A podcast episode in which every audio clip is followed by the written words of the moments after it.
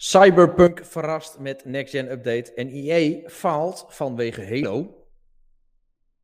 Dit is de week met XBNL. Dankjewel, Jeff. Oh.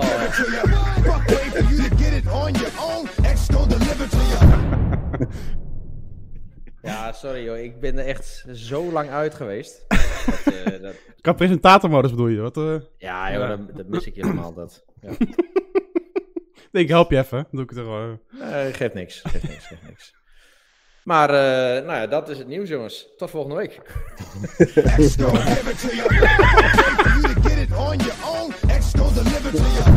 Nee, welkom dames en heren, Nou, eh, luisteraars. Ehm, wij zijn ehm, Xbox Nederland, de podcast van de website www.xboxnederland.nl. Dus check ook Yeah. vooral ons nieuws uit, waar eh, wij heel veel nieuws hebben, wat we vandaag ook jullie gaan brengen. Maar ook een hele hoop reviews. Eh, we zitten ook op social media. Eh, is ook leuk om Rickse grapjes af en toe wel te volgen. en we hebben natuurlijk een eh, leuke virtuele kroeg als in onze Discord. Nou, hoe je daarbij komt, ga ook naar xboxnederland.nl en klik even op de Discord-link. En ja, je kunt gewoon even testen of dat wat, wat voor je is, of dat werkt voor je of niet. En dan kun je lekker meelullen over deze podcast bijvoorbeeld. Ja. Of over elke andere willekeurige game-gerelateerde topic, of niet game-gerelateerd. Eh, van alles en nog wat. Ehm, aangeschoven hier zijn eh, mede-redacteurs Niels. Hallo, Hallo, Niels. hallo. Ja, hallo. En eh, ja, Rick, Chef NL.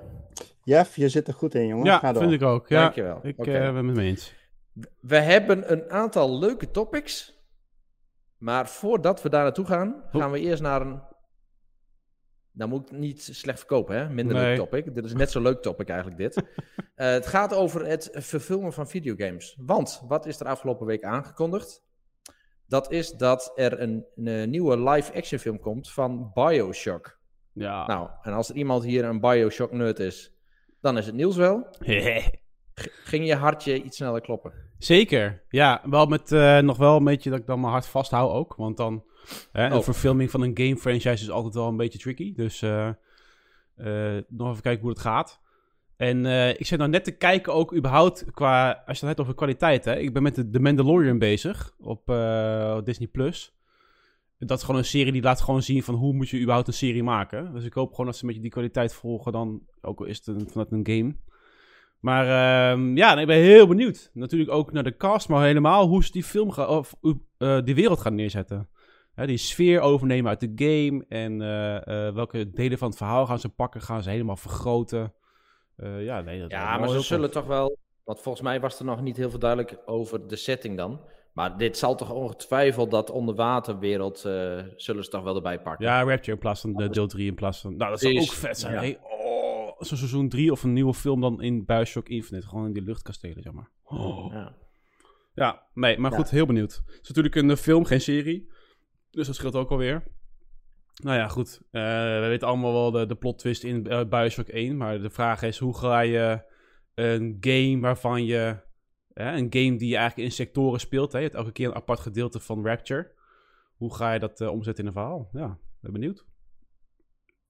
ja, ik denk dat het zich ook wel echt leent voor een film, zoiets. Weet je, met dat creepy vibe. En dan weet je dat. eh, ehm, ja, hoe, hoe noem je dat? Een meisje met die robot erbij en zo. Zo'n Little Sister Ja. met, met Ja.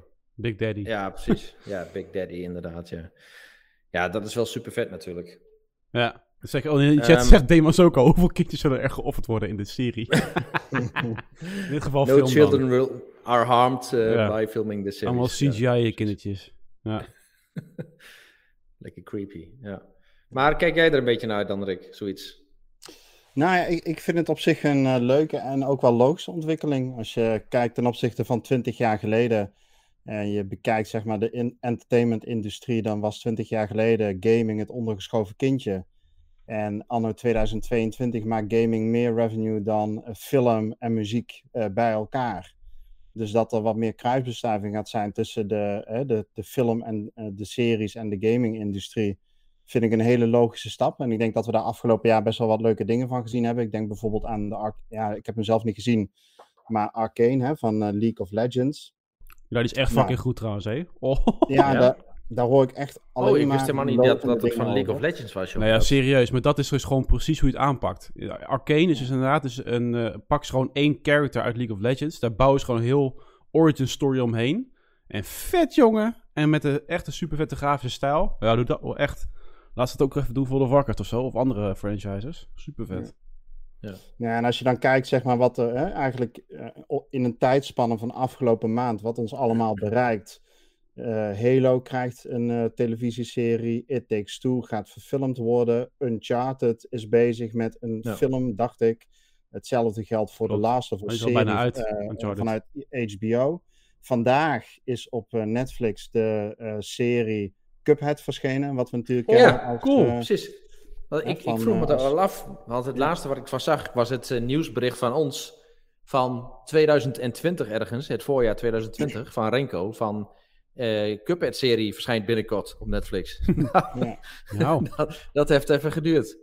Ja, dus, hè, dus eh, eigenlijk een heel scala aan eh, games wat verfilmd dan wel in een serie gegoten wordt. En Bioshock past in dat rijtje. Binnen dat rijtje is dat niet mijn favoriet. En dat heeft er vooral mee te maken dat ik vind Bioshock een vette game. Eh, deel 3 vond ik persoonlijk het eh, leukst om te spelen. Ehm, maar ehm, ja, goed, ik kan, eh, ik- kan andere games bedenken die, eh, ja, waarvan ik zeker weet eh, dat heel graag in een film of in een serie zou willen zien. Oh, En Nou, Cuphead laat maar er daar één van. oh, ik denk die gast gaat Ja, in één keer wat wou je inderdaad. zeggen? Je, je dacht Sea of Thieves? Ja, ja, ja. ja. Nee, nee, daar zie ik. eh, de... Nee, maar bijvoorbeeld een, ehm, nou, bijvoorbeeld een Detroit Become Human of eh, Life is Strange franchise. Zou, hè, daar zijn natuurlijk ook al stripboeken van.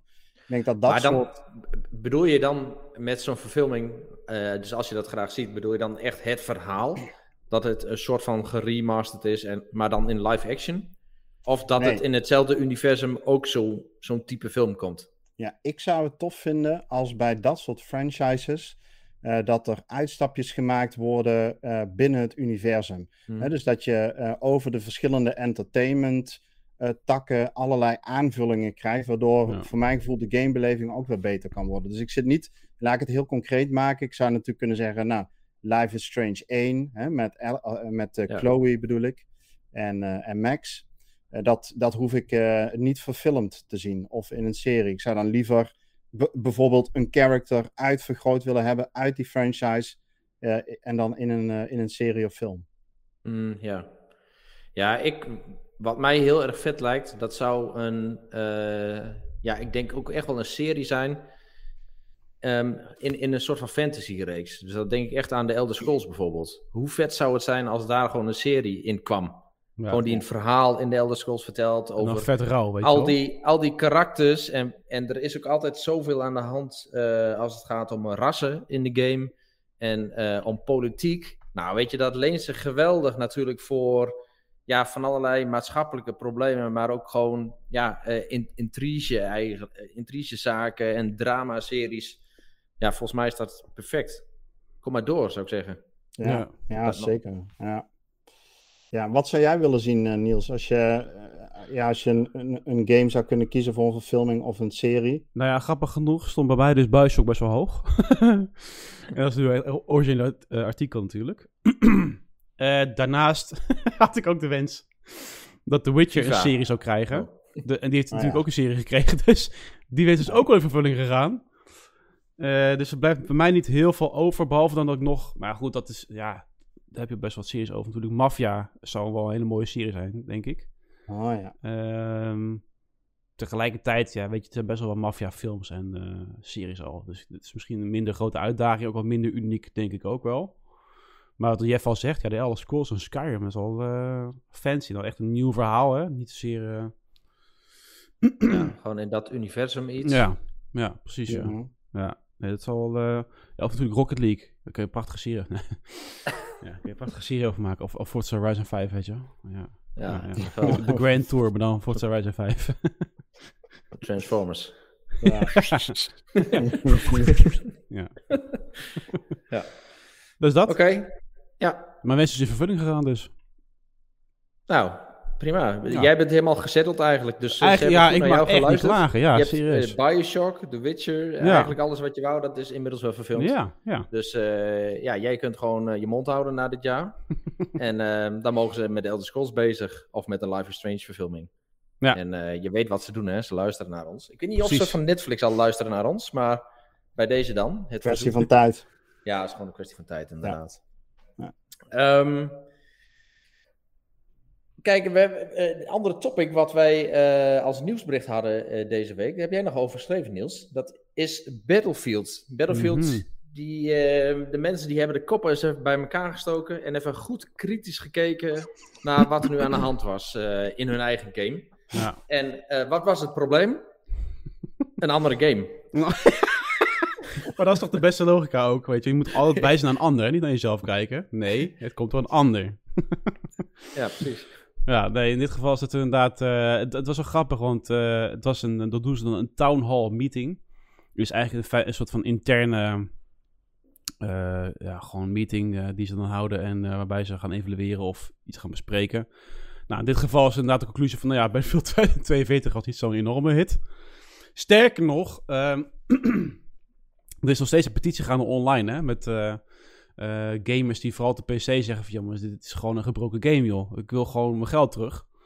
en die gaat Ja, gewoon richting de 300.000, iets van hè. 200 Ja, precies. 300.000. Ja. Dat is echt bizar. Dus eh, het is niet niks. Het is ook niet zo dat mensen zich aanstellen. Want er zijn gewoon te veel bugs en glitches. Tenminste, wat ik heb gespeeld valt het wel mee. Maar goed, mijn kritieken liggen ergens anders. Gewoon dat die game verder nog gewoon niet zo heel boeiend is.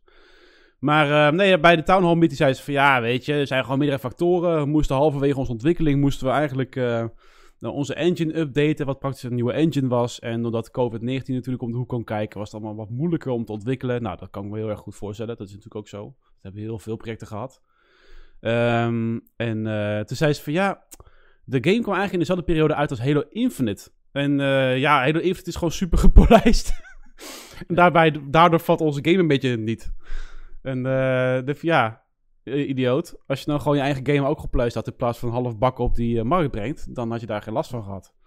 Ja. En, eh, hè? Heeft eh, Greg the Brute al gereageerd namens het hele Infinite team? Ja, nee, maar daarom is het dus wel grappig, want het is natuurlijk waarschijnlijk is Battlefield 2042 gewoon de game die Halo Infinite was als die geen uitslag had gekregen. Dus als hij in 2020 was uitgekomen. Ehm, eh, en we weten allemaal wat er is gebeurd met Halo Infinite inderdaad. Na die trailer op E3, dat we allemaal dikke kritiek hadden. Van, nou ja, dat kan echt niet. En eh, we zien helemaal niet terug dat het allemaal de next gen is. En, eh, Nou, maar dat, dat is het grootste punt ook wel. Dat, dat daar gewoon zo'n disconnect is tussen wat ze laten zien ja. en wat er uiteindelijk gekomen is. En dat doet heel erg denken inderdaad ook aan Cyberpunk.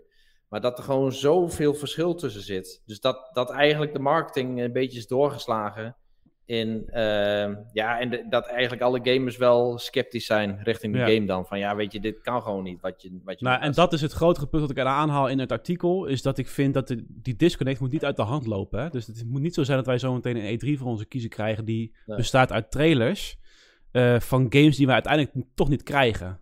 Eh, en dat het ergste was natuurlijk Cyberpunk inderdaad, want die was, nou, was wel ook echt het meest dramatische geval. Als in, die liep gewoon niet op de Xbox One. Dat was gewoon niet zozeer van, oh, een paar bugs, maar die, die, dat, dat draaide gewoon niet. En eh, het was ook helemaal niet de kwaliteit die ze in de trailers lieten zien. Dus er zijn maar een paar partijen die het echt altijd leveren. Wat mij betreft is het Rockstar. Rockstar die, die, die doet er een trailer uit. En de game is gewoon nog beter dan de trailer. Ja, precies. vrijwel altijd. Ja. En ehm, een EA nee, maar dat, eh, en ja, dat- Ubisoft dat- valt nog wel een beetje te twijfelen of het al wel zoiets. En vooral EA. Ja, allemaal die games die gaan er gewoon aan de lopende band uit. En dan eh, heb je één keer zo'n hiccup. En dan, eh, ja, dan valt het een beetje in duigen eigenlijk. Want ik denk dat het altijd wel een ding is. Vooral met Call of Duty's, die, die er elk jaar worden uitgepoept. Ja. Ja. omdat die ook zoveel op elkaar lijken en omdat het allemaal hetzelfde engine is, hoeven ze dat ook in principe niet zo te testen. Omdat het eigenlijk met de vorige reeks in de serie al is getest. Ja, maar dat vind ik dus wel een punt Ja, inderdaad. kijk, ja, Er wordt maar- nu weer getest. What the fuck? Ja. Wanneer is dat gebeurd, Maar- joh? Even nog een beetje terugkomend op, eh, op dat punt eh, dat, dat EA maakt. Dat punt kan wel opgaan. Als je game op orde is. Hè? Ik denk dat niemand zal zeggen eh, dat iedereen, wanneer Titanfall 2, hè, de ontwikkelaars zeggen ja, we, hè, we zijn niet echt geslaagd in termen van aantal verkopen, want we hadden een hele ongelukkige release window. Mhm. leggen ze het eigenlijk ook een beetje buiten zichzelf neer. dan zegt iedereen ja, dat klopt ook. Hè, daardoor is dat toen niet zo succesvol geweest als dat het wellicht had kunnen zijn.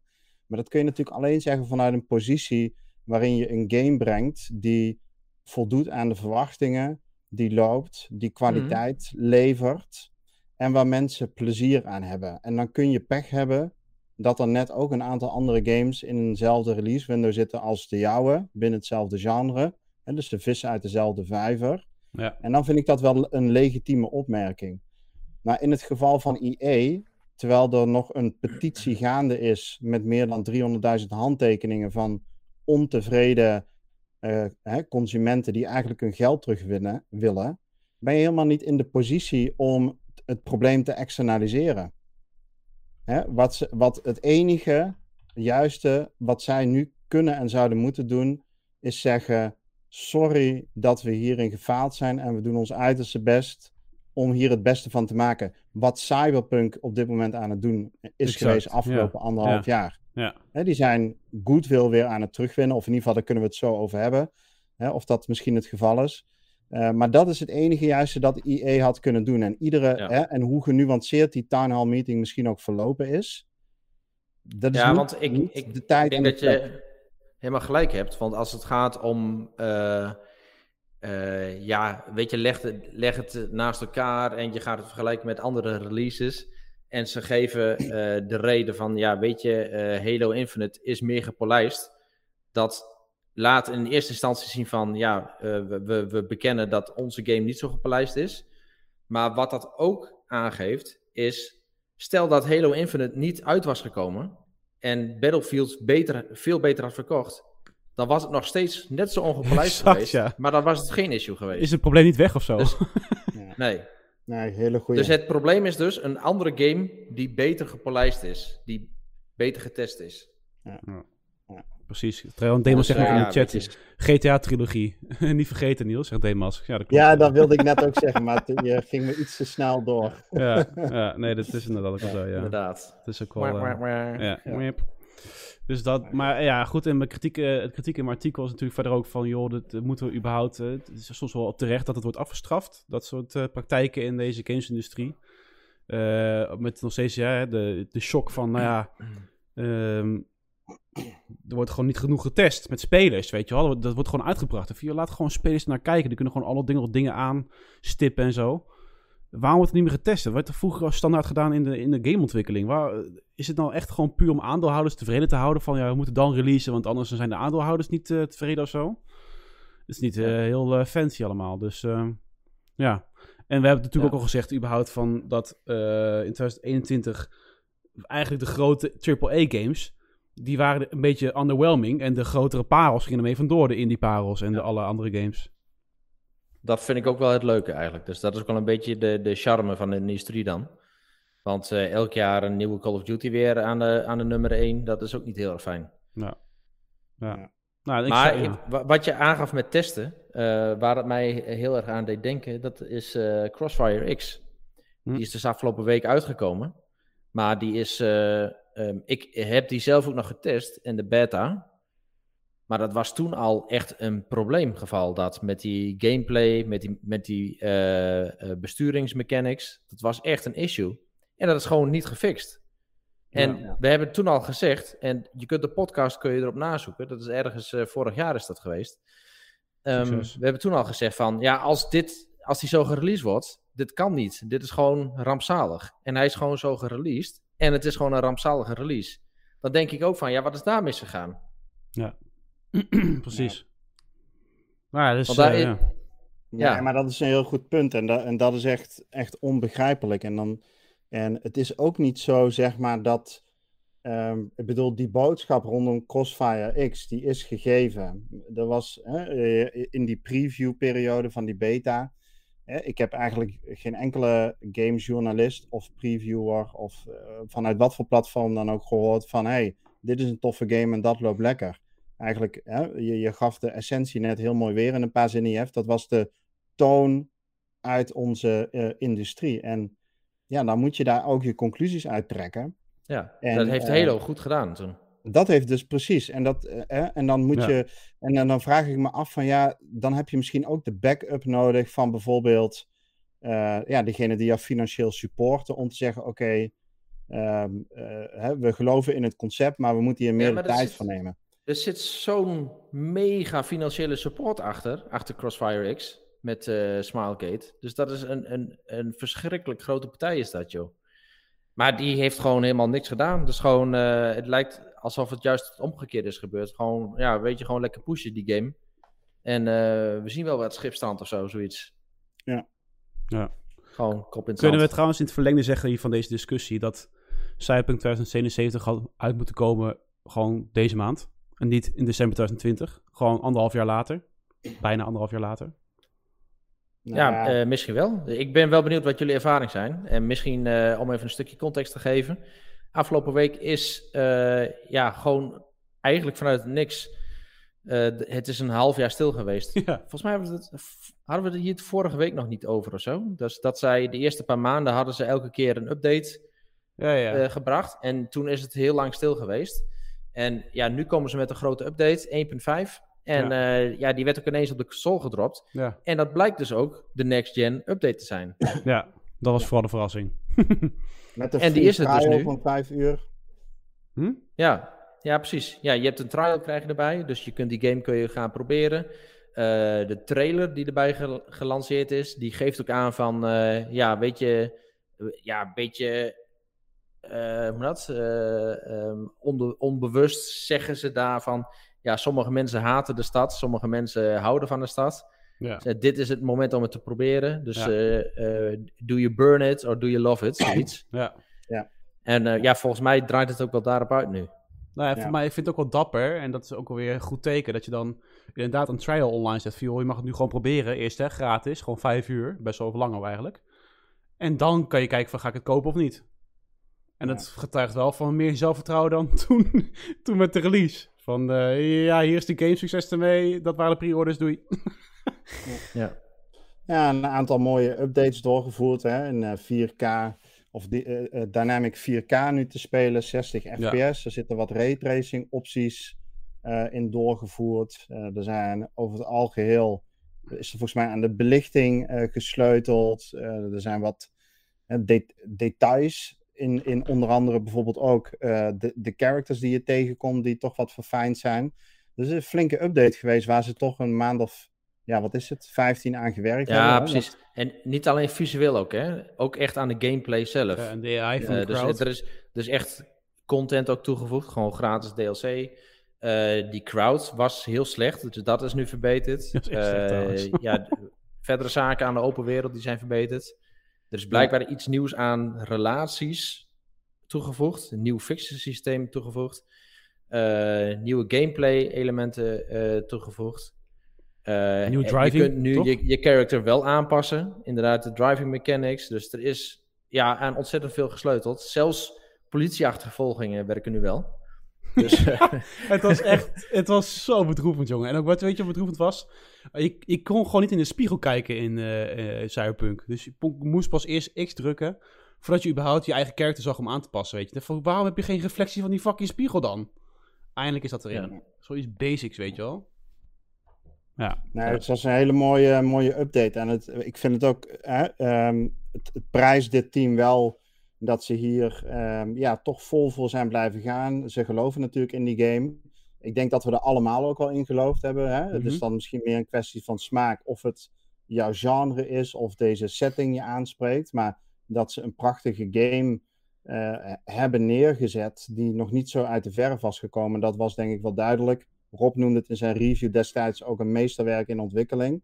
En ik denk Ja. dat we daar nu de resultaten van zien. En nou, ook een beetje terugkomend hè, op, op, op, eh, volgens mij was het jouw vraag Niels.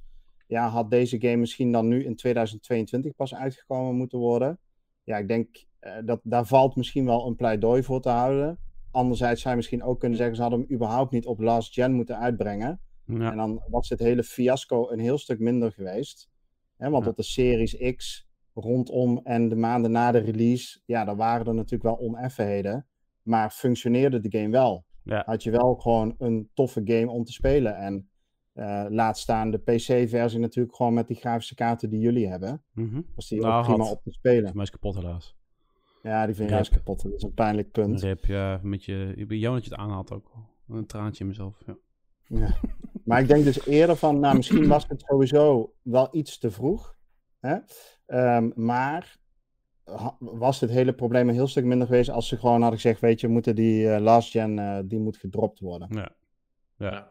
En ik vraag me nog steeds wel af of het niet nog steeds te vroeg is dan. Want eh, ik heb het idee dat de game nog niet helemaal af is waar het moet zijn. Dan moeten we echt, denk ik, naar een 2.0 versie toe of zo. Wat mis je Eh, dan? maar- Wat, wat zie je nog allemaal wel... eh, Nee, weet ik niet. Ik- Dat is, het is ook een beetje onderbuikgevoel eigenlijk. Hm. Ehm, maar eh, ja, ik heb die game de afgelopen tijd wel behoorlijk in de gaten gehouden. Hoe het Ja. zich doorontwikkeld heeft. Vooral de eerste patches. Maar wat je daarin zag, is dat de game zo fundamenteel gebrekkig was. Zo die echt, hè? eerste patches. Die eerste patches, ja, die, die waren zo minimaal in het verbeteren van de stabiliteit. En dat er nog steeds heel veel gameplay gebrekken waren. Ehm, dat, dit is wel een flinke patch, dit is wel een flinke update. Maar dit kan nooit alles gaan oplossen ineens. Dus ik denk dat er nog wel een paar patches overheen gaan. Voordat het eh, ja, echt de cyberpunk is zoals het ons beloofd is. En eh, ehm, ja, die wij hopelijk ook eh, over tien jaar gaan herinneren. En misschien met nog steeds veel plezier spelen. Net Ja, zoals maar- dat met The Witcher bijvoorbeeld gebeurt. Zijn ze, dat, zijn ze op de goede weg, denk je daarmee? Denk je dat ja, dit- ik denk dat dit, dit is wel een statement natuurlijk. Dus dit is wel eh, zo van, nou ja, we laten on- ons er niet bij liggen. En eh, hier heb je een, een, een flinke update. Ja, en het zelfvertrouwen begint ook alweer terug te komen hè, hiermee. Ja. Nou, precies. Nee, dus, eh Dus, er zijn goede ontwikkelingen voor de game. En eh, ook met eh, vooral wat je al zei, fundamentele gebreken. Die AI, jongen, en hoe mensen reageerden. Het stond gewoon, het was minder dan GTA die in 2013 uitkwam. Ja, en dat, ik zag het nog steeds wel een beetje terug hoor. Want als ik kijk naar auto-explosies bijvoorbeeld. Mhm. Ja, dat is nog qua animatiewerk, is dat, dat ziet er allemaal zo 2008 uit. Dat is, ze zijn er nog niet helemaal, maar ja, op andere vlakken, hè, met het verhaal en eh, karakteranimaties en eh, interactie met, eh, met NPC's, dat ziet er soms weer heel erg fancy en gelikt en super uit. Ja. En eh, dus ja, het is gewoon een beetje inconsistent wat dat betreft. Ja. Maar ik denk dat het eh, vanaf nu wel de moeite waard is om te spelen. Ik wil hem vanaf nu wel echt gaan oppakken. Want Ja. ik heb hem op een gegeven moment echt laten liggen. Van ja, dit, sorry, maar dit trek ik niet. ja, Eh, met, dus ik ga met, het nu wel proberen. Ja, met jouw velo, Jeff. Want we hadden eh, op nee, dit nieuwsbericht is op dinsdag gebracht. En eh, toen we al een beetje aan zagen komen dat, ehm, eh, dat CD Projekt Red dit ging aankondigen, hadden we een poll geplukt. Die heeft 24 uur open gestaan, ongeveer 380 mensen aan eh, deelgenomen. En 70% van hun zegt, eh, hè, van degenen die deelgenomen hebben, die zeggen of eh, ik ga de game weer opnieuw spelen. Hè, dat is namelijk 38%. Of 32% die zegt, ik ga hem nu voor het eerst spelen. Ik heb Ja. er vertrouwen in. Dus nou, eigenlijk ruim de meerderheid gaat deze, hè, met deze game aan de slag.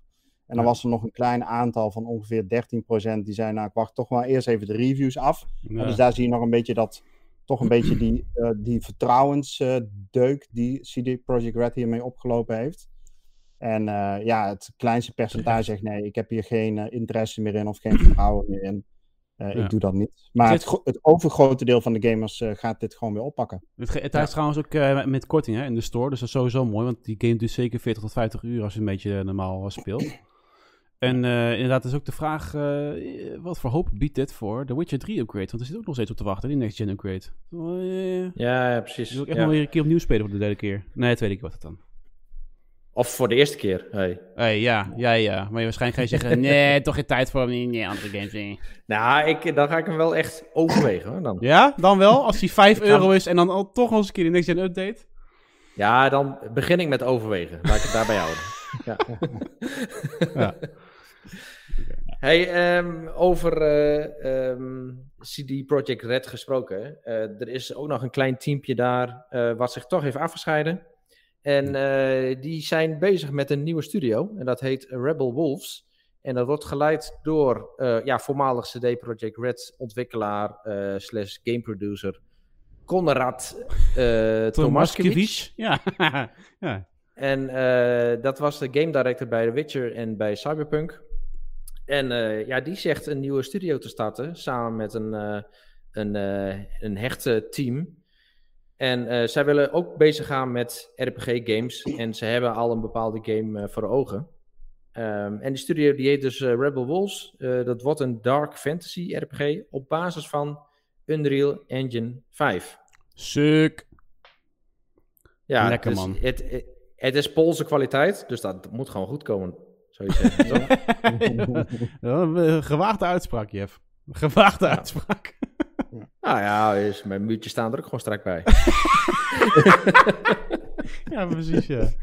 ja. ja. Ja. Maar wat mij wel het meest opviel, is ehm, het eh, eh, persbericht. Of in ieder geval de, de, de, de quote eh, die ze aanhalen van Conrad. Eh, want ik denk dat het heel veel ook vertelt over de relatie met eh, CD Projekt Red. En eh, de reden dat ze zich ook afscheiden. Tenminste, dat lees ik er heel erg in. Ehm, dus laat me dat maar citeren. Want hij zegt...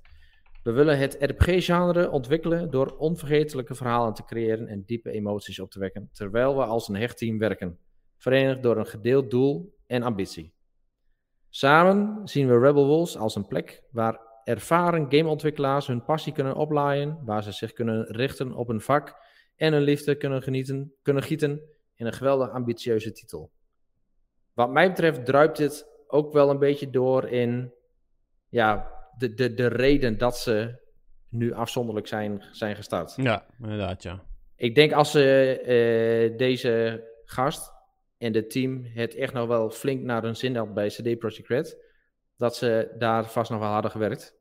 Ja. Maar eh, dat er dus toch wel wat aan de hand is. Ja. Nee, maar daar was natuurlijk van alles aan de hand. Even los van dat zij jarenlang zeg maar, aan deze game gewerkt hebben, waar eh, nou enorm veel kritiek op is gekomen, die uit de PlayStation Store gezet is. Ik wil, noem eens één andere titel waarvoor dat hè, gold. Nou, ik kan het niet bedenken. Zo, eh, zo was de publieke perceptie, zo dysfunctioneerde die game eigenlijk op de, op de base consoles. En wat daar natuurlijk aan vooraf ging, eh, is een periode waarin er heel veel gecrunched werd. Hè, dus dat is eh, onder Ja, andere ook door Jason Schreier eh, is dat uitvoerig naar buiten gebracht. Dat die studio, en de mensen die daar werkten, soms weken van 80, 90 uur draaiden. Wat natuurlijk absurd is. En dat in combinatie met mismanagement, hè, management wat aangeeft, nee, in 2020 moet deze game gewoon gaan uitkomen. Eh, developers waarvan bewezen is, die hebben aangegeven, ja, maar dat is niet haalbaar. We, hè, dit, de game is niet af, dat kan pas 2021, 2022 worden, daar niet in gehoord zijn. Ja, dan denk ik dat je een broedplaats hebt waarin het voor dit soort mensen op het niveau van een creative director gewoon niet meer te werken is. En dan lever je je product af. En dan ga je hè, eh, in de wandelgangen mensen bij elkaar verzamelen en kijken van, nou, kunnen we met elkaar ehm, eh, hier nog iets van maken? Nee, dat kan hier niet. Nou, dan gaan we samen iets opzetten. Eigenlijk hoor je het al terug in de titel van hun studio, Rebel, Rebel Wolf. Dus een wolf pack. hè? Ja, precies. Wolven die leven in een pack. En die trekken zich, die trekken, die, ja, deze mensen die gaan gewoon weg en die eh, gaan zelf iets opzetten. Ja. En ik denk dat het, dat het een hele mooie, eh, ja, mo- mooie stap is. Met overduidelijk hele talentvolle mensen. Dus eh, laat ze maar lekker in creatieve vrijheid. Hopelijk met genoeg financiering aan een, eh, eh, wat was het? Een Dark Adventure RPG? Ja. Ja. ja, een soort van Ja, Witcher ja. eigenlijk. Ja, maar trouwens, ter contrast. eh, vandaag kwam naar buiten dat eh, de Guerrilla Games, natuurlijk de Nederlandse ontwikkelaar van Horizon Zero Dawn en Forbidden West, die gaven aan van ja, de game is gewoon uitgesteld totdat we gewoon normaal willen blijven werken. We moesten allemaal thuiswerken en eh, we wilden niet gaan crunchen, dus we hebben gewoon gezegd van ja, we gaan thuiswerken op onze eigen tijden en we stellen de game gewoon uit. Nou, en dan is het nu eindelijk hier. Dus zo kan het ook. ja, hebben ze goed afgedongen bij de aandeelhouders dan. Ja, ik weet niet Ja, hoe ver die allemaal... de eh, twee diep die natuurlijk zitten. Ja, precies. Oké. Nou ja, over eh, aandeelhouders gesproken. eh, dat brengt ons eigenlijk bij de nieuwe games in de Xbox Game Pass. Oh, eh, ik heb hem. Cortana, what's new in the Game Pass? You don't want to know. All right? Shoot. Tada. Nieuw in de Game Pass. Ik dacht dat die. eh, ehm, Oh ja, nee, wacht even. Dit, dit komt straks. Slow Mo Simulator, dat komt straks. Dat is natuurlijk gewoon de grote titel van, eh, van de Game Pass. Maar ehm, Mass Effect Legendary Edition zit erin. Zit hij, want hij zit er nu in voor cloud. Cloud, dus hij is ja. op X, xCloud te spelen. Maar Ja. is die op andere platforms eigenlijk te spelen? Dat vroeg ik me af. Ja. Ja, ja, je, je Oh, dat kon is hem al eh, spelen op de console. En nu is dat... Ja, eigenlijk, eh, ze doen dat best wel op een handige manier. Hè? Dus dat ze, ze releasen games in de Game Ja. Pass. Maar eh, dan is het bijvoorbeeld alleen voor console of alleen voor PC. En dan twee maanden later voegen ze die game weer toe. Maar dan, hè, zoals nu in Mass Effect komt het in de cloud. En dan heb je toch het idee van, we krijgen iedere maand heel veel games erbij, wat ook zo is. Maar het is wel een beetje aangedikt doordat ze dit, eh, dit trucje uithalen. Ehm, eh, en, en voor Mass Effect geldt dat. Dus die, dus die konden we al spelen, die trilogie. Ik dacht vanaf december, afgelopen december. En eh, ja, nu kun je hem ook in de cloud spelen. Ja. En een game die er ook al in stond en beschikbaar was op cloud, Android, Xbox Series X en S. Dat was Lawn Mowing Simulator. En die is er nu ook nog eens een keer bij ingekomen. Want nu is die ook op de Xbox One te spelen. Uh, Nee, dit Demo was het helemaal eh, los natuurlijk. Want die is al losgegaan. Dit is de goat. Jij had hem toch ook gespeeld, Rick? Nee, nee, nee, ik heb hem niet gespeeld. Oh. Maar eh, serieus, ik zou het best wel. eh, ja, het is gewoon dat mijn backlog op dit moment wat aan de grote kant is. Maar ik, eh, ik, zou, dit, eh, ik zou dit wel kunnen spelen. Ja, mijn backlog zou altijd aan de grote kant zijn van deze game. Nee, ik heb toch nog een Ja. backlog, sorry. Nee, ik wil toch nog een game uit 1998 spelen, sorry. Ja. Nee, maar dit, ja goed. eh, Kijk, voor degenen die denken, waar hebben we het over? We hebben eh, een eh, Dimas, die jullie inmiddels ongetwijfeld wel kennen, die heeft een review van deze game geschreven. en die review heeft hij geschreven in de vorm van een dagboek. En het dagboek was van Hector, de tuinman. En die beschreef een week lang zijn belevenissen in uh, Lawn Mowing Simulator. Echt hilarische review. Als het goed is, uh, komt er een DLC ook voor deze game uit. En uh, ik denk dat er weinig overtuigingskracht nodig is om Dimas hier weer voor te, te, te porren. ja. Fase grasmaaitrekkertjes. Nou, maar eerlijk, we zien nu, we zien nu uh, beelden van de game. Het gras ziet er wel goed uit, jongens. Gras is echt fantastisch. ja, het is uh, bijna het water. raytraced gras, jongen. Ja. Raytraced grasprietjes, ja. Ja, Ja, absoluut. precies. ja. Daar is er niks bij. Ik denk als je ook, we zien nou ook gewoon zo'n gast om een bloemen heen rijden. Ik denk als je die bloemen omver rijdt, dat het dan game over is ook hoor. Dan is het gewoon opnieuw starten. Nee, maar dan krijg je. Nee, maar dat, uh, ik, ik, heb de redactie uh, gedaan voor, uh, voor deze review. Maar wat ik me daarvan herinner, is dat, eh, dat je dan inderdaad. Dan krijg je dus straf eigenlijk. Hè? Dus dan ja. word je gekort op de beloning die je krijgt. En dan, heb je, Krijg je... en dan gaat het ten koste van je reputatie. Nee, maar deze game, hè, die, die heel erg ontspannen is, die heeft ook heel veel nog wel gelaagdheid in zich. Als je Oh dat jee. wil. En dat zit er in onder andere. Boos en dit zo. eh, Skill mechanics. tree. Ja, sk skill tree inderdaad. Gewoon dingen kopen voor jouw lawnmower, weet je wel. Een radiootje Ja, dat erbij. klopt. ja. Echt? Ja, oh mijn god. Nee, dat klopt. En op een gegeven Epic loot. Epic loot Nee, inderdaad. Lootboxes. eh, dan kun je ook eh, personeel in dienst nemen. Maar die moet je dan ook opleiden. Hè? Dus op het moment dat ze voor het eerst op pad gaan, weet je eigenlijk van ja, die gaan ook eh, schade maken. Dus daar moet je dan weer geld voor reserveren. shit. Nee, je moet echt even die, die, rie- de, de, die heeft het allemaal ondervonden en mooi beschreven. Dus als je wil, is het best een gelaagde game. Ja, sick. Goed. Sick. Ja, nee, fantastisch dit. Oké, eh, verder nieuwe games die, eh, die er ook bij in zitten. Eh, dat zijn Madden NFL eh, van EA Play. Dus dat is de volgende serie in de, in de ja, Madden-reeks eigenlijk. Die is, eh, denk ik ook... Ja, die komt altijd tegelijkertijd met FIFA uit, dacht ik. Ja, de Dus sportmaand, dit is die van vorig jaar nog. En eh, die is dan nu beschikbaar. Een andere nieuwe game die beschikbaar is op de PC, dat is Total War. eh Warhammer, Warhammer 3. 3 alweer, jongens. Halleluja.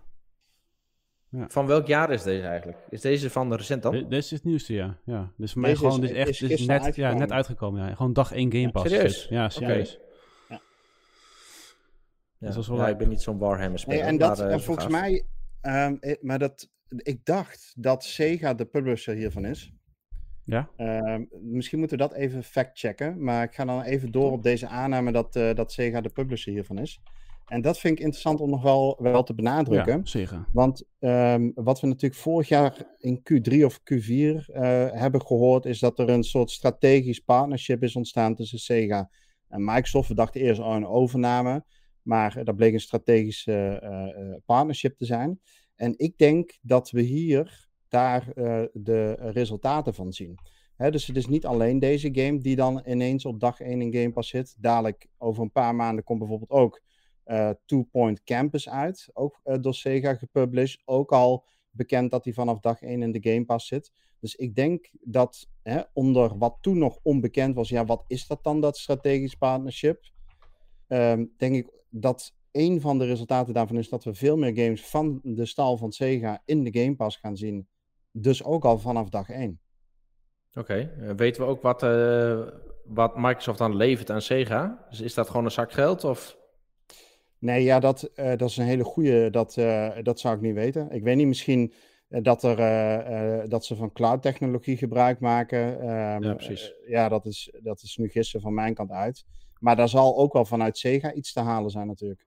Naast Ja. een zak geld. En ik denk dat het op de Azure-lijn ligt, maar dat weet ik niet zeker. Jongens, we hebben even een Ja. rectificatie uit de chat, hè? Even van onze eigen Oh, demas. Landbouw Simulator heeft, is voor de Xbox One is het uitgesteld. Dus alleen de Xbox Series X en S kunnen dat, eh, en Cloud. Maar en PC. Ja. Ja, gelukkig kun je tegenwoordig op je Xbox One gewoon eh, Series X games streamen. Dus, eh, Ja. Kun je en gewoon dat Cloud. werkt trouwens vrij aardig, moet ik zeggen. Nice. Lekker man. Een andere nieuwe game die erbij is gekomen is een game in de game preview, RoboQuest. En ik denk dat het wel eh, een, een aardige is voor Niels, want het is een snelle FPS allemaal roguelite. PC, jongen. Dat maakt allemaal geen fuck uit voor deze podcast. Jij hebt toch een PC, of niet? Ja, maar we zijn toch iets van Nederland, jongen. Oké. Oké. Eh, nee, ik zal Volgende game is ook een PC-game, Galactic Civilization 3, dus skip maar. Eh, dan hebben we nog Alice Madness Returns, ook PC, dus skip Ja. maar. En dan, een ja, blijft er over Super Mega Baseball 3, Sick. die voor de console uitkomt. Maar deze Ja, heeft... Een uit- matige ja, line-up eh, deze ja, ook periode. wel. Ja, ja, precies. Ik vond het wel een eh, magere. Het Maar aan een beetje op eh, kant? Xbox Live Gold te lijken, Judith. Ja, ja, Ja. nee, maar ik zat ook eh, te denken van ja, maar het is ook totaal niet aantrekkelijk op dit moment voor Xbox om in deze maand allerlei topgames in Game Pass te doen. Nee, maar we hebben ook echt gewoon, eh, wat hebben we achter elkaar, 15 maanden aan, aan alleen maar toptitels in de Game Pass gehad. Dus ik vind ook, Ja. mag ook een keer pauze Ja, maar komen. dit is, wel, eh, dit is wel het begin van de aftakeling, hoor. dit. nee. Nee, het ik denk serieus dat dit, dat dit zo getimed is. Want eh, eh, als je kijkt in de tijdspannen van 4, 5 weken, Pokémon, Horizon Forbidden West, Dying Light 2, Elden Ring, eh, Gran Turismo, eh, wat is het? Nou, weet ik even niet, maar in ieder geval Gran Turismo. Allemaal in een tijdsbestek van vijf, zes weken. Ehm, ja, de mensen die, eh, die willen dat gewoon spelen. En die, ja, dan is het zonde om eh, allerlei toptitels, denk ik, in Game Pass te doen. Dat zou, denk ik, dat zou, wat mij betreft, een eh, redenatie kunnen zijn. Ja, ik snap echt niet waarom ze dan Low Mowing, low mowing Simulator eh, nu erin hebben gestopt. Ja, dat pleit tegen mijn argument. Dat ben ik Ja, met je eens. ja, precies. Het pleit tegen mijn argument ook gewoon. Dat waren de games, nieuwe eh, games in de Game Pass. Ehm, we gaan even naar een eh, blokje over eh, water, schepen en piraten.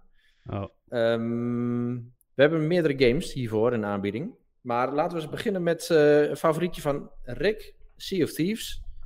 Is Ja. namelijk afgelopen week met hun nieuwe update gekomen. Dus met de nieuwe serie.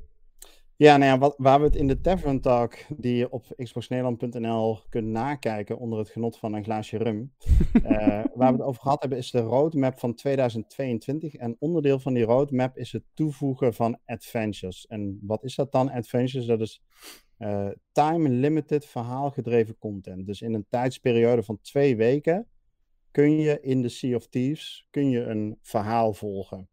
En eh, dat verhaal, ehm, dat is twee weken te spelen, dat rond je dan af. En een maand later krijgt dat een soort van vervolg. En dat heeft impact op de wereld. Dus in dit geval zijn we begonnen met ehm, ja, het eerste deel eigenlijk, de Shrouded Islands. En dat is onze favoriete outpost, Golden Sand Outpost. Daar hangt een groene mist omheen. Eh, al de inwoners van Golden Sand Outpost zijn ineens vertrokken. En eh, er zijn duidelijk sporen van, nou ja, hè, van, van eh, kraters zitten erin, steiger is kapot. Dus het, eh, het eiland is flink toegetakeld. En wat je in de Shrouded Islands gaat doen, is proberen te achterhalen wat daar gebeurd is. Dan doe je een eerste aanzet toe. Het duurt ongeveer een uur of anderhalf. En ehm, ja, dan over vier weken krijgt dat, krijgt dat weer een vervolg. En als je nou benieuwd bent, hey, eh, wat, eh, hoe, ja, waar gaat dit verhaal dan over van de Shrouded Islands? Wat zijn we al te weten gekomen? En vandaag op xboxnederland.nl hebben we de, eh, het verhaal beschreven en de stream daarvan die we gecaptured hebben, die hebben we online gezet. de Ja, site eventueel kunnen nakijken. We hebben in het artikel timestamps gezet. Mocht je uit bepaalde dingen niet helemaal uitkomen, kun je het daar ook even nakijken van hey, hoe hebben de mannen van XBNL dat nou opgelost. Hm. Ik vind het een mooie Yes. ontwikkeling. Niels en ik eh, hebben daar in de Tavern Talk natuurlijk ook wel over gehad. Ja. En volgens mij uh, ja, allebei unaniem wel heel erg blij met deze stappen, toch? Ja, absoluut. Ik vind het ook wel mooi, ze hebben het voor mij nu al vier, vijf keer besproken in de podcast. Ja. Maar ik vind het mooi dat je gewoon elke keer de tijd neemt om het weer even opnieuw uit te leggen Ja, nee, maar ik, hoe het uh, allemaal zit. ik, ik doe dat gerust nog tien keer. Ja, dat zal- enige, zonder enige gêne. ja. Hey, en om een beetje in, eh, eh, in, eh, in de sferen van, eh, ehm, nou ja, van, van het water en de schepen te blijven. De andere titel, piratentitel, waar we natuurlijk al sinds, nou ja, ja, vijf jaar lang of zo op wachten. Dat is natuurlijk Skull and Bones van Ubisoft. En we hebben al heel vaak gegrapt. Gaat die titel nog wel uitkomen? We hoorden maar niks over. Eigenlijk hebben we er, nou, ik heb daar niet heel veel vertrouwen meer in. En eh, nou, de laatste twee E3's hebben we er eh, gewoon niks meer over gehoord. Ja. Ubisoft heeft geregeld van de Ubisoft Forwards, hè, weet je wel, die, eh, die korte, ehm, ja, wat zijn het, persconferenties die Ubisoft ja. zelf organiseert. Ja, is het gewoon stil, weet je. Het gaat gewoon over de vaste Ubisoft-titels. En deze horen we maar niks over terug. Maar nou was er afgelopen week was er een eh, financial call, zeg maar, voor de, aan, of voor de, de investeerders. En daar is toch opnieuw benadrukt dat Skull and Bones nog in het fiscale jaar 2022-2023 moet uitkomen. Oh. En dat betekent dus ergens tussen nu en, eh, even aan mijn hoofd, Maar ja, april maar- volgend ja. jaar. En ehm, eh, ja, goed, ik, ik ben heel benieuwd. Het moet dus nog steeds een eh, combinatie van een online single en multiplayer worden. Ehm, in een hele grote open wereld stond er in, die, eh, in- de toelichting die die CEO Yves Gilmont eh, gegeven heeft.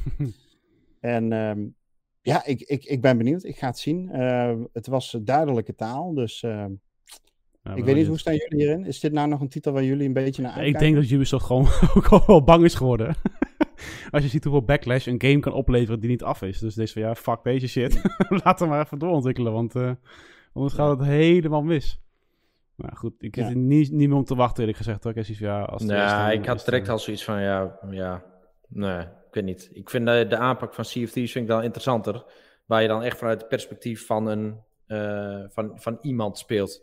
En niet zozeer van een schip. Dat vind ik wat minder interessant. Ja, precies. Tot Oké. In de chat wordt aangegeven dat het alleen een, een multiplayer game Sorry. zou zijn. Dat twijfel ik, weet ik niet helemaal zeker of, de, of dat wel klopt. Maar als dat zo is, dan kom ik daar eh, volgende week nog even op terug. Ja. ja, en dat kan natuurlijk ook weer veranderen hè, met de tijd. Ja, nee, precies, inderdaad. En ik zit even snel dat eh, financieel rapport te lezen, maar daar kan ik het dan ook niet zo snel uithalen. Doet hij even hoor. Ja. Even zo, eh, moei, moei, moei. Ja, doet hij gewoon, heeft hij zo Ja, fotografisch maar. geheugen. Maar ja, dus maar Nou ja, zeker dan eh, gaan wij in de tussentijd even Ja, eh, kort even door door. wat, eh, wat nieuwtjes. Ehm, waar we even kort bij stil kunnen staan. Of eigenlijk helemaal niet bij stilstaan, maar wat we gewoon even benoemen. Dat is eh, dat eh, Platinum Games heeft gezegd. eh, dus dat is de ontwikkelaar van eh, wat? Die draak game. Skillbound. Skillbound, inderdaad. Die staat open voor overname, mits vrijheid blijft. Nou, dankjewel Oh. voor deze mededeling. Ehm, Ubisoft, die zegt daarentegen, eh, wij willen graag onafhankelijk blijven. Dus wij zien eh, niets in overname. Dankjewel voor de mededeling. Capcom, die zegt, eh, 21 februari komen wij met een eh, aankondiging. Dank. En die gaat daar iets teasen. Dank voor deze aankondiging is dan aankondiging. waarschijnlijk... Ja, precies. aankondiging van de aankondiging van aankondiging. Ja. Want eh, het gaat eh, waarschijnlijk om Resident Evil 4 Remaster. Oh ja. eh, die al een poosje in de geruchtenmolen zit. En ja, wat gewoon volledig logisch is en in de verlengde van alle verwachtingen ligt. Ja, precies.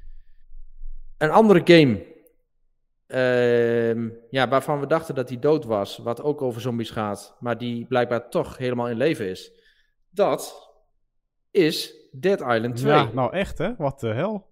Ja, Wie had dat gedacht? eh, ja. 2014 hè, is die getoond. 2014 die trailer. Die, die E3-trailer, ja. Ik zit er nu Maar het is wel een hele coole deze. trailer, dat. Ja, het was een heel coole trailer. Inderdaad, eh, we zagen alles in eh Californië. We zagen een gast aan het hardlopen in zijn eigen wereldje met een headset op. Ja. Of oortjes in. Dan komen de zombies achter hem aan en eh, wordt hij helemaal overgenomen. En eh, leuke muziek eronder en zo. 2014 Ja, ja. Oh ja, joh jongens, acht jaar. Ja, nou, die game is al zo lang in ontwikkeling. En, eh, maar ja, er is ook heel veel gebeurd rondom. hoe heet dat? Silver. Deep, Deep Silver, ja, is het? klopt. En het moederbedrijf ook. En het is een paar keer overgenomen, heen en weer gepingeld. Licentie, toestand en zo. Maar ja, het, het zijn ook niet zomaar geruchten die nu de kop op, opsteken. Want dat komt nu ook wel vanuit verschillende hoeken. Onder andere Oscar Erickson. dat is een onderzoeksanalist. eh, die heeft aangegeven van... Nee, de game is toch echt wel in leven. En je moet hem waarschijnlijk ook volgend boekjaar verwachten. Dus dat zou betekenen dat hij dan voor maart 2023 uitkomt. Ja. Ehm, want er is een, eh, eh, een QA geweest met Deep Silver. Of met eh Embracer Group is dat. Dat is, dat is het moederbedrijf van Deep Silver. En de grote baas van de Embracer Group, Lars Wingforce, die eh, ja, geeft nog meer ehm, eigenlijk gerucht aan dit gerucht. die zegt: Ja, ik kan niet praten over Dead Island 2, omdat, we, omdat het niet als zodanig is aangekondigd door de uitgever. Maar we hebben het er net over gehad dat we één onaangekondigde AAA-titel hebben. Waarvan je denkt dat het Dead Island 2 is. Dus het is moeilijk voor mij om daar verder op in te gaan. Nou, dan weten we allemaal, Dat- denk ik, al genoeg. Ja. En eh, daarnaast hebben we ook nog Industry Insider Lekker Tom man. Henderson. Oh, Eh, die heeft op YouTube weer, aangegeven. Eh, die heeft verschillende mensen gesproken. eh, en die zegt dat er zelfs binnenkort een gameplay trailer gaat komen. En dat er een release datum eind 2022 wordt verwacht. Eh, dus ja, die game die is in leven. En daar hoeven we ook niet heel erg lang meer op te wachten, lijkt het. Live en kick-in. Alive Ja, en nou, ik ben benieuwd. En eh, Ja. ja, misschien als een soort van, omdat het toch een soort van spin-off is van Dying Light 2. Of eigenlijk is Dying Light een spin-off van Dead Ja, Island. exact. Ja, ja. Ehm, kijken jullie uit naar deze game? Ja, we hebben echt zombie games tekort. Dus, ehm, Echt hè? nee, Echt al jaren niet meer gehad hoor. hey. ja. nee, ja, goed. Nee, ik, ik eh, ja, ik, ja. Lijkt, eh, lijkt mij heel tof om hiermee aan Ik vond Dead gaan. Island 1 vond ik ook echt geweldig. Weet je, er, er zaten Ja. zoveel flaws in, in die game wel. Zeker. En dat is ook weer... Dit was ook van Poolse makelaarij, toch? Toen? Ja. Techland. En eh, dat zijn, het, het zijn gewoon van die leuke, eigenaardige games. Maar die gewoon lekker fun zijn. Maar niet... Ja, het zijn niet van die 100% gepolijste games. Maar het doet wel alles precies goed. Dus dat is het leuke van die games. En ik hoop dat Dead Island 2 dat ook wordt. Dat het ook gewoon zo'n eigenaardige game wordt. Ja. Ja, nee, hartstikke mooi. Ik, eh, ik ben echt benieuwd. Ik had het eerlijk gezegd al opgegeven. Ja, volgens mij velen. Ja, Eh, dus eh, nou, dit, gaan dit gaan we zien. Precies. Dat Ja. hele, is dit hele- gameplay van de Dead Ja, Island ik 2? zit, ik zit net te kijken van, hebben we dit ooit gezien? dus Gamescom 2014 dit. Ik zeg, ik heb nog nooit games, ik Ja? gameplay gezien joh. Ziet er best goed uit, eigenlijk ook wel. Ja, zeker er weten. Ja. Een soort van, eh, hoe heet het? Wat, uh, Beetje Fortnite. Nee, eh dinges. Eh, Black, nee, ach, die horror game van laatst. eh, die, Back for Blood. Nee, Back for Blood is Ah, het een Back for. Blood. Die zombie waves op je af. Maar alleen dan een zondag is dit, in plaats van duister. Ja. Lekker man. Nou, mensen die zich afvragen wat je aan het kijken, dan moet je even op Twitch terugkijken of op YouTube. Ja, zeker weten. Hey, ik heb in de tussentijd even een artikel op True Achievements gelezen over Skull and Bones. Eh, dat zou een eh, single en multiplayer worden. En nu, vijf jaar eh, eh, eh, na de aankondiging, zegt de Ubisoft CFO het volgende over de game: dat het een eh, eh, veelbelovende eh, IP moet worden, waarbij de focus eerst zal liggen op multiplayer en co-op gameplay. Dus eh, daarmee sluit hij niet singleplayer uit, maar eh, zoals ik het nu lees, zal dat zeker niet eh, vanaf de start aanwezig zijn. Dus dat Ja. nog even. Maar is het dan gelijk een soort van concurrent van Sea of Thieves? Of? Nee, ik denk dat het echt eh, een ander type game ook wordt, dit. Het ziet er wel vet Ja, uit. Ik zit er, ik zit er nou even ja. te kijken naar de gameplay Ja, op de dit, Twitch. dit gaat toch echt om het ontwikkelen van je schip en het veroveren van territoria en Dat is eh, ja, dat, dat multiplayer element helemaal. Dus echt dat, dat, eh, dat strategische. Ja, combat en Sea of Thieves is natuurlijk in de basis een adventure, exploratie. Ja, precies. Ja. Ja. Dus dat is heel anders. Ja. Ehm. We hebben ook een aantal reviews gehad deze week. Ehm, ja, niet allemaal AAA-titels, maar wel een hele hoop leuke indies. Ja. En eh, ook wel een paar die eh, best wel aardig scoren. En eh, eh, eentje die wat minder scoort. Nou, als we daar eens mee aftrappen. Dus we kijken op Dat de plaats. is-. Wacht even. reviews Oké. van. Oh, Helemaal goud. Helemaal kut. Xbox. Ah, ja, ja. ik kan hem gewoon klaarstaan. Tuentje nog even. Ja. Ja, zeker. Eén game die we hebben gereviewd deze week, dat is El eh, Rancho geweest. Ja, Rancho. Eh, jij hebt ze, denk ik, eh, namens de redactie nagekeken, Rick. Dus misschien ik dat heb ze wat alle- alle- vertellen. Ja, ik heb ze alle drie gelezen en ehm, eh, deze is door Dimas gereviewd. Het is een eh, ja, El Rancho. Het is, ja, wat, eh, wat moet ik erover zeggen? Het is een beetje een, eh, een, eh, een, een platformerachtige game waarbij Dimas aangeeft, ja, het is best wel vermakelijk, eh, snel, makkelijk op te pakken voor een potje. De moeilijkheidsgraad kan best wel stevig zijn en dat noemt hij dan als pluspunt. Hè? Dus het is niet dat je zo door die eh, levels heen walst. Maar eh, ja, de controls zijn gewoon tergend. Daar heeft hij niet goed aan kunnen wennen. Die maken het eigenlijk onnodig ingewikkeld. Ehm, de verhaallijn die erin zit is eigenlijk eentonig en saai, waardoor het voor hem moeilijk was om ja, goed erbij te blijven. Dus die game leende zich wel prima om even een kwartiertje, half uurtje te doen en dan weer weg te leggen. Maar echt helemaal erin opgezogen werd hij niet. En wat hij een echte toevoeging zou vinden, is dat deze game zou zich best wel lenen ervoor om bijvoorbeeld te speedrunnen, om een level zo snel mogelijk door te gaan. Ehm, en ehm, dat zou ook de herspeelbaarheidswaarde kunnen vergroten. Als je bijvoorbeeld leaderboards zou hebben, daar zou deze game uitermate ja. geschikt voor zijn en dat zit er niet in. En dat alles tezamen maakt dat hij zegt, ja, het is allemaal goed genoeg, zeker ook voor de prijs. Hij geeft het een 6,5. Maar ja, echt eh, uitblinken doet hij niet. Even geen steek naar de redactie hoor, maar de titel is El Gancho, niet El Rancho. Oh ja, El- oké, pardon. ik zie hem overal El Rancho. En ik zit op YouTube te kijken, ik, ik typ het in. Ik zeg, ik zie helemaal geen trailer. Dus ik te kijken naar de trailer dat erin. even aanpassen. Gancho. El Gancho, ja. El Gancho. El. Nou, dat is misschien wel handig inderdaad. Ik heb hem al Ja. teruggestuurd naar de publisher. Ja. Lekker. Ja. Volgende review. Eh, ja, oké. Welke willen jullie bespreken? Ja, eens even kijken welke er allemaal... eh, even kijken hoor. Waar Niels een filmpje van klaar heeft staan. Nee, ja, Ja, oké, dat doe ik gewoon on the fly. King of Fighters eh 15. King of Fighters, 15. Ja, King of Fighters 15, he- die is door eh, onze Dan gereviewd. Heeft eigenlijk een eh, hele lange geschiedenis al, eh, deze, deze franchise. Het is een echte fighting game, zoals je dat vroeger vanuit de jaren 90 en nu nog steeds wel natuurlijk van op die arcadekasten kent. Ehm, deze game heeft in, eh, eh, in de versie 14 al een enorme overhaul gehad. Dus toen overgestapt naar 3D. En dit is eigenlijk een, een, een, ja, een vervolg daarop. Dus de overgang ten opzichte van 14 is niet zo heel groot. Maar heel veel marge zat er eh, nadat ze die ja, grote overhaul al gedaan hadden, ook niet meer in. Wat brengt die game dan wel? In de eerste plaats een enorme grote selectie aan characters. 39 om mee te vechten. En dat is dan nog eens exclusief de DLC die je er ook aan toe zou kunnen voegen. En dan kom je echt al over de 50 heen al die characters die hebben eh, ja, unieke skillsets en moves, hè, waardoor het ook wel eh, leuk is en eh, ja, uitnodigt om gevarieerd ermee te spelen. De mechanics en besturing zitten opnieuw weer heel goed in elkaar en de graphics en de menus zijn ten opzichte van variant 14, wat, wat Dan betreft, eh, behoorlijk verbeterd.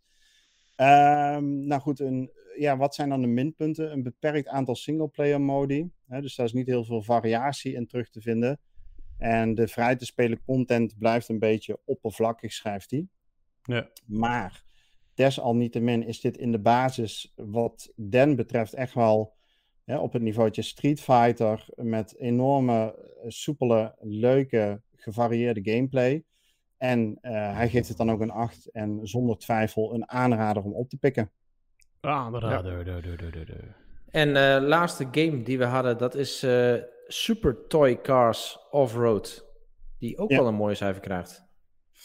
Ja, die heeft Eddie gereviewd. Lekker, Eddie. Een, eh, een racegame eh, ontwikkeld door Eclipse. Die hebben al een aantal in dit, eh, ja, van deze serie eigenlijk eh, ontwikkeld. En Offroad is, dat doe ik nu even uit mijn hoofd, deeltje 3. En hij durft het in zijn inleiding te zeggen, nou kunnen we deze een beetje vergelijken met Forza Horizon 5 Tuurlijk. en eh, F1. En toen dacht ik, ja, hier gaat eh, Jeff zeker wat van vinden.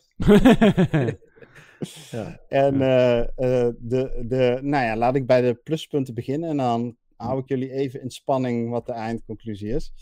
Maar eh, nou ja, wat, wat deze game heel erg goed doet, is dat er gewoon een heel scala aan auto's is. Heel veel verschillende classes, veel parcours, mogelijkheden om je auto te customizen, characters eh, te kiezen en die dan ook weer van allerlei eh, kleding en ditjes en datjes te voorzien.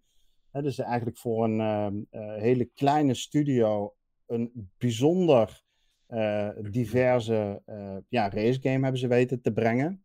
Dus daar is hij heel erg tevreden over. En waar hij ook tevreden over is, en dat is natuurlijk gewoon eigenlijk de kern van race, is dat die controls, wat Eddie, of, eh, eh, ja, wat Eddie betreft, gewoon heel erg goed in elkaar zitten.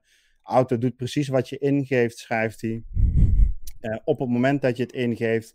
En ehm, ja, eigenlijk is dat gewoon heel sensitief en responsief. Dus dat is hartstikke positief. Nou, hij zegt wel, er zijn wat kleine hic- hiccups. De game, de beelden, die stotteren soms wat. De auto's. Hij zei op een gegeven moment startte ik met, mijn, met twee auto's op elkaar met zijn gamertag. Ja, dat is natuurlijk een beetje ja, eh, Raar. unpolished, zeg maar, een beetje Ja. raar. Eh, maar goed, met kleine patches, zegt hij, moet dat wel te verhelpen zijn. Ja. Eh, en een aantal dingen die je vrij speelt, die voegen wat hem betreft niet echt iets toe aan de gamebeleving en ook niet aan het racen. Maar die maken wel een substantieel onderdeel van de game uit. Eh, die hebben dan met name met je character te maken. En zegt, ja, dat had wat hem betreft niet gehoeven. Eh, hadden ze liever hun tijd nog wat op andere eh, gebieden eh Ziet gestopt. eruit als een launch game van de Xbox 360. Ja, ik zou niet weten. Ik heb, graphics. eh, ik heb geen beelden bekeken. Ik heb alleen redactioneel eh, ge- Ja, gelezen van kan ik volgen wat hij live zegt. nu, hè? Tijdens de En hij geeft het een 7,5. Dus hij zegt, nou, voor die twee tientjes eh, eh, Prima is dit gewoon een prima racegame. Lekker man. Oké, dankjewel. En dan hebben we ook nog een aantal reviews in progress. Eh, onder andere Martha is Dead, die volgende week ergens zal verschijnen. Infernex ook. En, eh, ook een interessante, wij gaan, eh, nou, eigenlijk onze racekampioen Rick, die gaat aan de slag met Grid Legends. Ik heb serieus... Nee. Ik heb, ik heb de game nog niet gespeeld, maar ik heb de inleiding, de twee inleidende alinea's, heb ik al in mijn hoofd zitten. En er komt in naar voren de Dirt 5 review en daarin komt naar voren de F1 bumpercard competitie. Oh jee. Eh, en verder eh, moet, het, ja, moet het cijfer zich dan nog eh, gaan uitwijzen de komende dagen. Maar de inleiding staat al als een huis. Ja, nee, dit, nee, weet je, ik zal ook, want ik ben natuurlijk, ik vind racegames wel leuk. Hè, dus Dirt 5 heb ik uitgespeeld. Nou ja, tenminste voor zover je kunt zeggen, nou ja, ik heb alle levels doorlopen. Forza Horizon 5 eh, heb ik eh, soort ja, ook alles gedaan wat er eh, te doen valt. Maar de reden dat ik dacht, ik ga deze racegame oppakken als reviewer, terwijl ik niet echt een race gamer ben, zeg maar, is omdat ik nog gewoon nog steeds op zoek ben naar die ene racegame eh die mij echt weet te pakken. Dus, Wat de mijn sweet spot is voor jou. ja, wat, ja, wat is mijn sweet spot? Dat zit zeker niet in de simhoek, maar dat zit ook niet in de hoek van Forza Horizon 5. Maar Grid is toch gewoon een sim? Of is Legends dan een soort Horizon variant? Nee, Grid is, eh, nou als dat Nou, zo is, dit dan is wordt wel- het een hele lange week voor me. Maar Ja, ik kan het zeggen. Daarom moest ik zo lachen Nee, net. Hoe zag jij een sim Grid- spelen, jongen? Nee. Grid is geen sim. Grid Oh. zit er wel een beetje tegen het. eh, ja, hoe kun je het best omschrijven? Het is gewoon totaal geen niet for speed. Is. Het is gewoon niet arcade. Maar je moet wel een beetje racefanaat zijn om dit leuk te vinden, ja. En ik hoop dus, ik ben op zoek naar die sweet spot, zoals jij dat inderdaad net eh, treffend verwoordde, Jeff. En ja, volgende week ga ik jullie vertellen of eh, eh, Grid Legends dat voor mij Ja, is. En, eh, Ik ben echt heel erg benieuwd naar deze. Dus ik ben echt heel Echt? erg benieuwd naar je review. Hmm. Ja. Oké. Want eh, ja, als dit toch een soort van Forza Motorsport eh, sportje wordt, zeg maar, voor een tussentijd. Ja, dan is dat prima voor mij. Dat, dat Ja. is de game waar ik nu op wacht. Maar ja, dat, dat duurt nog wel een jaar voordat hij eens komt. Nou ja, jij zit, jij zit nou in, eh, in donkere dagen met Forza Horizon 5 natuurlijk helemaal uitgespeeld en uitgemolken. Ja, Eh, F1 Uitgemolken. nog een paar maanden van je verwijderd. Dus dit zou wel eens jouw go-to game kunnen Ja, worden als hij uit de review komt. Ja, Ja. exact. Maar goed, een weddenschap Dus, plaatsen, eh, Rick, met hoe jij erin Zware staat. druk op je schouders. Nee, ik verheug me nu al erop en dat jullie daarna kunnen zeggen dat ik een Dirt 5 discussie krijg. Rick, we moeten het wel nog even over je review Ja. hebben. Ja, ik denk het, eh, ja, ja, ja, ja, ja, ja. Dus nee, maar ik, eh, ik maar ben jij wou een weddenschap plaatsen. Niels. Nee, ja, ik dacht misschien, eh, ik kan nu al voorspellen wat er de reactie van Rick zal zijn volgende week. Dat het dan En toch, eh, nou, dat het toch wel op zich wel goed is, maar toch niet zijn game. ik denk dat dat exact de woorden worden. Ja, dan moet ik toch maar op die Mario. Kart DLC gaan wachten. Die, eh. Ja, ja, dat meer jouw sweet spot is dan Grid Legends eerder gezegd, hè? maar goed, oké.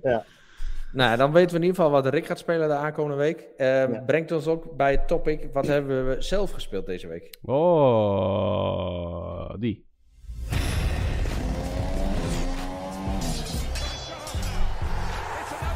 Had hier nog wel feedback over trouwens. Dus gewoon van, ja, misschien kun je het ook hebben over welke games je nog gaat spelen in plaats van gespeeld. Anders is het zo droog van, nou, hij zegt hij van, Jeff, ja, jij speelt eigenlijk altijd Forza Horizon 5. Dat is gewoon saai.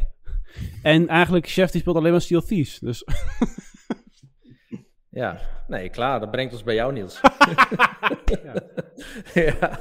ik speel alleen maar Rocket League. Nee, dus, eh, nee, nee, nee, nee, nee. Mijn, mijn eh, lijstje is wel iets gevarieerder deze oh, week. Oh, Ehm, want ik heb eh Olly Olly World heb ik uitgespeeld. oh ja. Nou, dat was gewoon superleuk. En ik ben nu nog wel een paar keer aan het teruggrijpen naar oude levels. Om wat dingen te unlocken en zo. Eh, dus ja, en dat blijft ook wel leuk om te doen. Ja, Dying Light 2 natuurlijk. Wel een paar uurtjes op zitten. Nog Ja. niet echt heel veel progressie gemaakt. Maar eh, ja, het begint wel redelijk Kun je überhaupt co-op starten dan? Nu al wel? Of niet? Ehm, ja, wanneer kun je dat? Ja, voorbij, als je een beetje voorbij de proloog bent, als op een gegeven moment de open wereldgedeelte eh, zeg maar start. Ja, dat ben ik al lang. Ah, Ja. Nee, ik ben al bij de dinges geweest. In die tunnel en dan weer terug. En Oh, Ja, heel gedoe. Ehm, F1 2021. Ik heb even Saoedi-Arabië even geprobeerd. Die had ik nog nooit gedaan. En die had ik altijd nog in mijn eh, to-do staan. Eh, dus dat gedaan. En ik ben nu aan het kijken of ik Nobody Saves the World ook kan uitspelen. dus ik ben al een aardig eind. Ik ben nu level 31 of zo, zoiets. En eh, volgens mij kan ik ook nu richting de laatste levels gaan. Hm. Dus eh, die ben ik aan het doen. Ja, ik vermaak me daar nog wel uitstekend mee. Leuke gevarieerde gameplay. Wel een beetje grindy op dit moment. En ik hoop dat het straks weer eh, een beetje gaat meevallen. Maar ik vind dat wel echt een aanrader. Zit Wat ook in de Game Pass. Wat een dus kleurenpalet, hè, die game. Oh ja, jee zeg. Ja. Ja, het is echt een eh, hele leuke hoor. Dus het ziet er super ja, indie-achtig uit. Maar eh, het is een goede afgewerkte game ook. Met echt hele leuke gameplay. Oké. Waar zit je ongeveer nu? Ja, ik eh, ga nu naar de linkerkant toe. Dus dat ik naar Ja. die level 30 eh, area ga. Ja, oh, netjes. Ja, dan zit je wel richting het einde echt, hè? Ja. Dus eh, dat is het voor mij. Rick, wat ga jij doen? Of wat Eh, heb je gedaan? Ja, nee, ik heb... eh, nou ja, Sea of Thieves heb ik al besproken. Ehm, ik heb Dying Light 2 uitgespeeld. Dus Zo, ehm, yo, oké. die heb ik echt, echt lekker doorgepakt. Afgelopen, Ja. eh, nou ja, twee weken is die nu uit, hè. En eh, ja, de developers zeiden eh, eerst natuurlijk dat er 500 uur content in zat. En daarna zeiden ze, nou ja, oké, eh, als je hè, gewoon een beetje op de main quest focust, dan ben je 35 uur bezig. En dat is ook precies de tijd die ik eraan besteed heb. Ehm, ja, ik heb me daar heel erg mee vermaakt. Ik, ik vond het echt een goede game. Ik vond het einde een beetje afgeraffeld. Ik zal geen eh, spoilers nu geven hoor, maar daarvan had ik Iedereen wel het gevoel van, oké, ze brengen eh, de game moet afgemaakt worden. Wat zei je? Er zijn, er zombies. dood. Zijn zombies. Ja, zombies. en, ehm, eh, maar ja, nee, ik, ehm, ehm, ik vond het een fijne game. En ik ga er nog naar terug. Ik ga nog wat sidequests doen. Ik heb nog heel veel vraagtekens op de map staan. Ik heb nog wat towers om, eh, om vrij te spelen. Dus eh, ik denk dat ik er nog makkelijk wel 20, 30 uur mee kan vermaken. Oh. Nog wat co-op, eh, misschien met jullie mee, Sjouw. En dan, eh, nou, dan heb ik eh er prima ervaring mee gehad. En we- welke level kom je uit als je hem uit hebt uitgespeeld? Dus welke level zit je dan? Level 20 of zo, zoiets? Qua wat? Gewoon Met je character level. ja. Character level. Ehm, volgens XP. mij zat ik op 23. Want ik, vond, ik vind dat character level gaat echt heel erg traag. Dat. Ja. Show, de Ja. knetter. Ja. Ehm, ja, ik weet even niet zo goed. eh, ik weet niet zeker of we hetzelfde bedoelen, maar onder je, onder je character bij de gear staat Ja. een. eh, sta, ja, die zat volgens mij op 1 of 22 bij mij. Ja, oké. Ja. En dan had, Ja. ik, eh, had ik goede wapens met een eh, met impact van eh, 120, 130 ongeveer. Eh, en een, eh, wat je echt moet upgraden zijn die werpmessen, die moet je op paars hebben. En eh, je wil je flame, of hoe heet het nou, de molotov cocktails, die wil je eh, maximaal geleveld hebben. Die kun je in de laatste levels echt wel heel goed gebruiken. Hashtag ProTip. Dankjewel. There you go. En, En, verder, dat was het wel. Niels ook eh, lekker met Dying Light bezig? Ja, maar ik heb niet zo, ben nog niet zo heel ver, want ik ga met Martin eh, met Brottik ga ik de co-op doen. Dus eh, ik dacht van, nou, ik ga al niet helemaal verder in de game. En, ik ben vooral een beetje bezig met Horizon Zero Dawn op de PS5. Nog gewoon deel 1 is dat. En eh, het ziet er fantastisch uit. Heel goed verhaal. Wow. Het is een heel mooie game, laat ik het zo zeggen. Het verhaal valt op zich nog wel mee. En ehm, nog meer? Nee. Valt eigenlijk wel mee. Nou ja, Psychonauts eh, deel 1 nog. Van jaren terug van de Xbox. Oh, ja. weet je, de OG Xbox, zeg maar. Dus Psychonauts 2 heb ik al lang uitgespeeld, maar... eh, ben nou ja, goed. Even, eh, verder zijn er gewoon nog zoveel Game Pass games die ik wil spelen. Maar dat, ja, backlog, backlog, backlog. Ik ben Ja, backlog. joh. en Ja. Sea of Thieves wil ik gaan doen, want eh, die, ik wil even die Avengers gaan spelen. Ik heb twee keer de tijd, dus... eh, Ja, die moet je wel even doen inderdaad. Ja. Maar het kost je een uur of zo. Dus een uur, anderhalf, dan heb je het gedaan. right. Maar goed, dus Ik dat. wil met je mee. Nou, dankjewel voor eh, jullie bijdrage ook. Eh, sowieso voor jullie bijdrage aan, aan de podcast. Ook jullie natuurlijk voor het luisteren. Ehm podcastluisteraars thuis, mensen die hier live aanwezig zijn, allemaal super bedankt. En natuurlijk krijg je daar ook een achievement voor, alsjeblieft. Een rare one. Hoe doen we dat? Hoeveel, hoeveel gamerscore is deze? 71 hè, om die gasten dwars te zitten. natuurlijk. Ja. ja.